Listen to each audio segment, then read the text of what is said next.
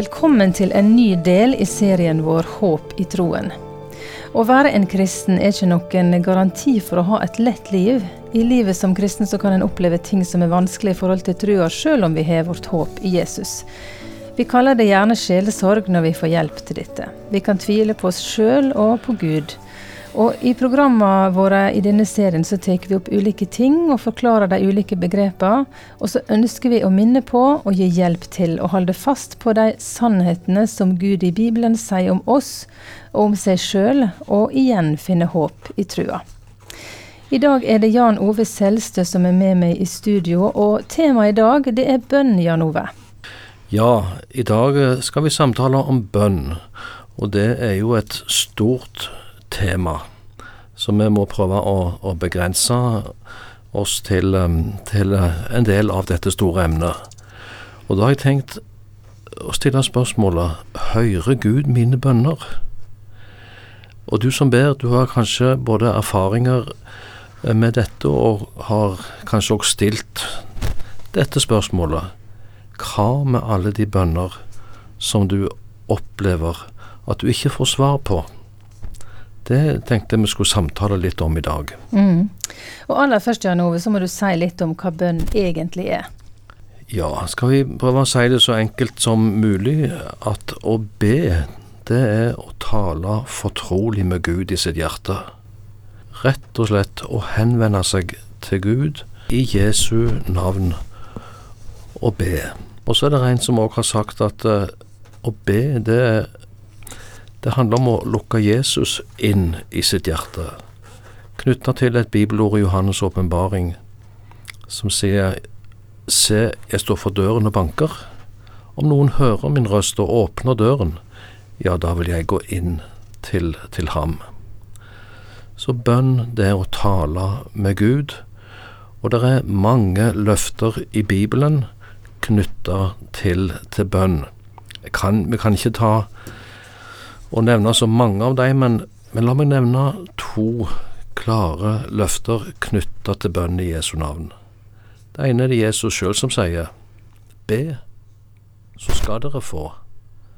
Let, så skal dere finne. Bank på, ja, så skal det bli lukket opp for dere. Og så har jeg lyst til å ta med òg et løfte som vi finner i første Johannes brev, kapittel fem. For der står det Og dette er den frimodige tillit vi har til ham, at dersom vi ber om noe etter hans vilje, ja, så hører han oss. Og dersom vi vet at han hører oss, hva vi enn ber om, da vet vi at vi har fått våre bønneemner oppfylt hos ham. Det er sterke ord, der Bibelen oppfordrer oss til å be, og gir mange rike løfter knytta til det å be i Jesu navn. Mm. Et av versene du leste var 'be, så skal du få'. Men, men kan en oppleve at en ikke får? Når bønnesvaret uteblir, hva da? Ja, hva da? Da har jeg lyst til å si følgende. Fortsett å be. Be likevel. Fortell ham alt, som vi sier i en sang. Og så ja, vi kan komme til Gud òg med våre spørsmål. Hvorfor svarer du ikke Gud? Og så kjenner vi kanskje òg at uh, når svaret uteblir, så kommer tvilen. En kan så lett tenke ber jeg rett? Eller har jeg ikke nok tro, er det derfor jeg ikke får bønnesvar?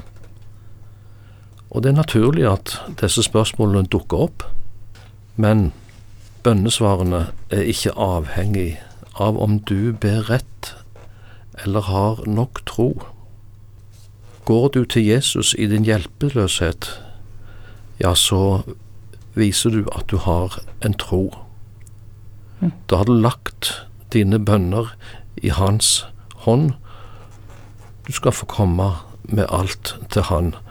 Og når du kjenner på tvil og uro og rett og slett ikke oppleve at Gud svarer deg sånn som du kanskje venta og tenkte.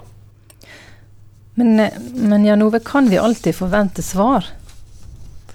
Jeg har lyst til å si ja til det. Uh, vi kan forvente svar, men kanskje ikke alltid slik som du og jeg tenker.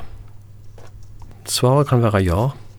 Du kan få oppleve bønnesvar, og da er det godt å få, få takke Gud når han møter oss på den måten. Men han kan svare nei, og det er òg et svar. Um, og det kan komme i den tid som Herren bestemmer. Eh, det kan komme på den måten han ser er til ditt beste.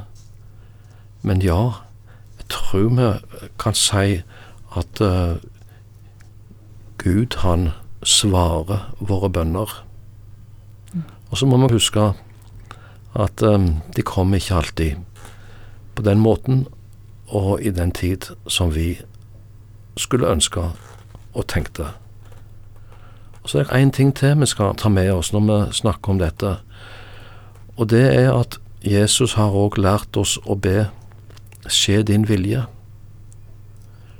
Sjøl ba jo Jesus den bønna i Getsemane. Og kanskje det er den vanskeligste bønna for oss òg å be. Uh, skje din vilje. Du, Gud, veit best hva som er til mitt beste, og hva som er til hjelp for meg som kristen mot det mål som Gud har satt for våre liv. Og Så tenker jeg at det er, det er noen som òg tenker at når, når, når, jeg ber for mine kjære, kanskje som ikke er frelst, så vet jeg jo at det er jo en bønn etter Guds vilje. Og så opplever en ikke alltid at en får svar. At en kanskje må vente, og at en kanskje ikke får oppleve det i sin levetid. Trygve Bjerkreim har jo en kjent og god sang om bønn, Det er makt i de foldede hender. Og der er det ei strofe som heter Om du tålmodets lekse må lære, himmelens bønnesvar en gang du får. Ja, det er svar underveis. Det skal et Guds barn få hvile i. Vi ber sjøl, Jan Ove, og andre kan be for oss, men så har vi òg en forbeder i himmelen. Ja, la oss ta med det til slutt. Du har en forbeder i himmelen. En som taler din sak. Og det er talsmannen Jesus. Han er for eh, Guds trone, lever for alltid gå i forbønn for deg. Og så har du en talsmann til den hellige ånd, som går i forbønn for deg. Det står det noe om i Romerbrevet kapittel 8, om Ånden som sjøl går i forbønn for oss, med sukk som ikke kan rommes i ord. To talsmenn, én i himmelen og én i ditt hjerte, som ber for deg. Jeg har lyst til å avslutte med ei bønn av en som heter Thomas av Kempes. Han ber slik, Gi meg hva du vil, og hvor mye du vil, og når du vil. Still meg der du vil, og gjør meg i alle detaljer slik du vil.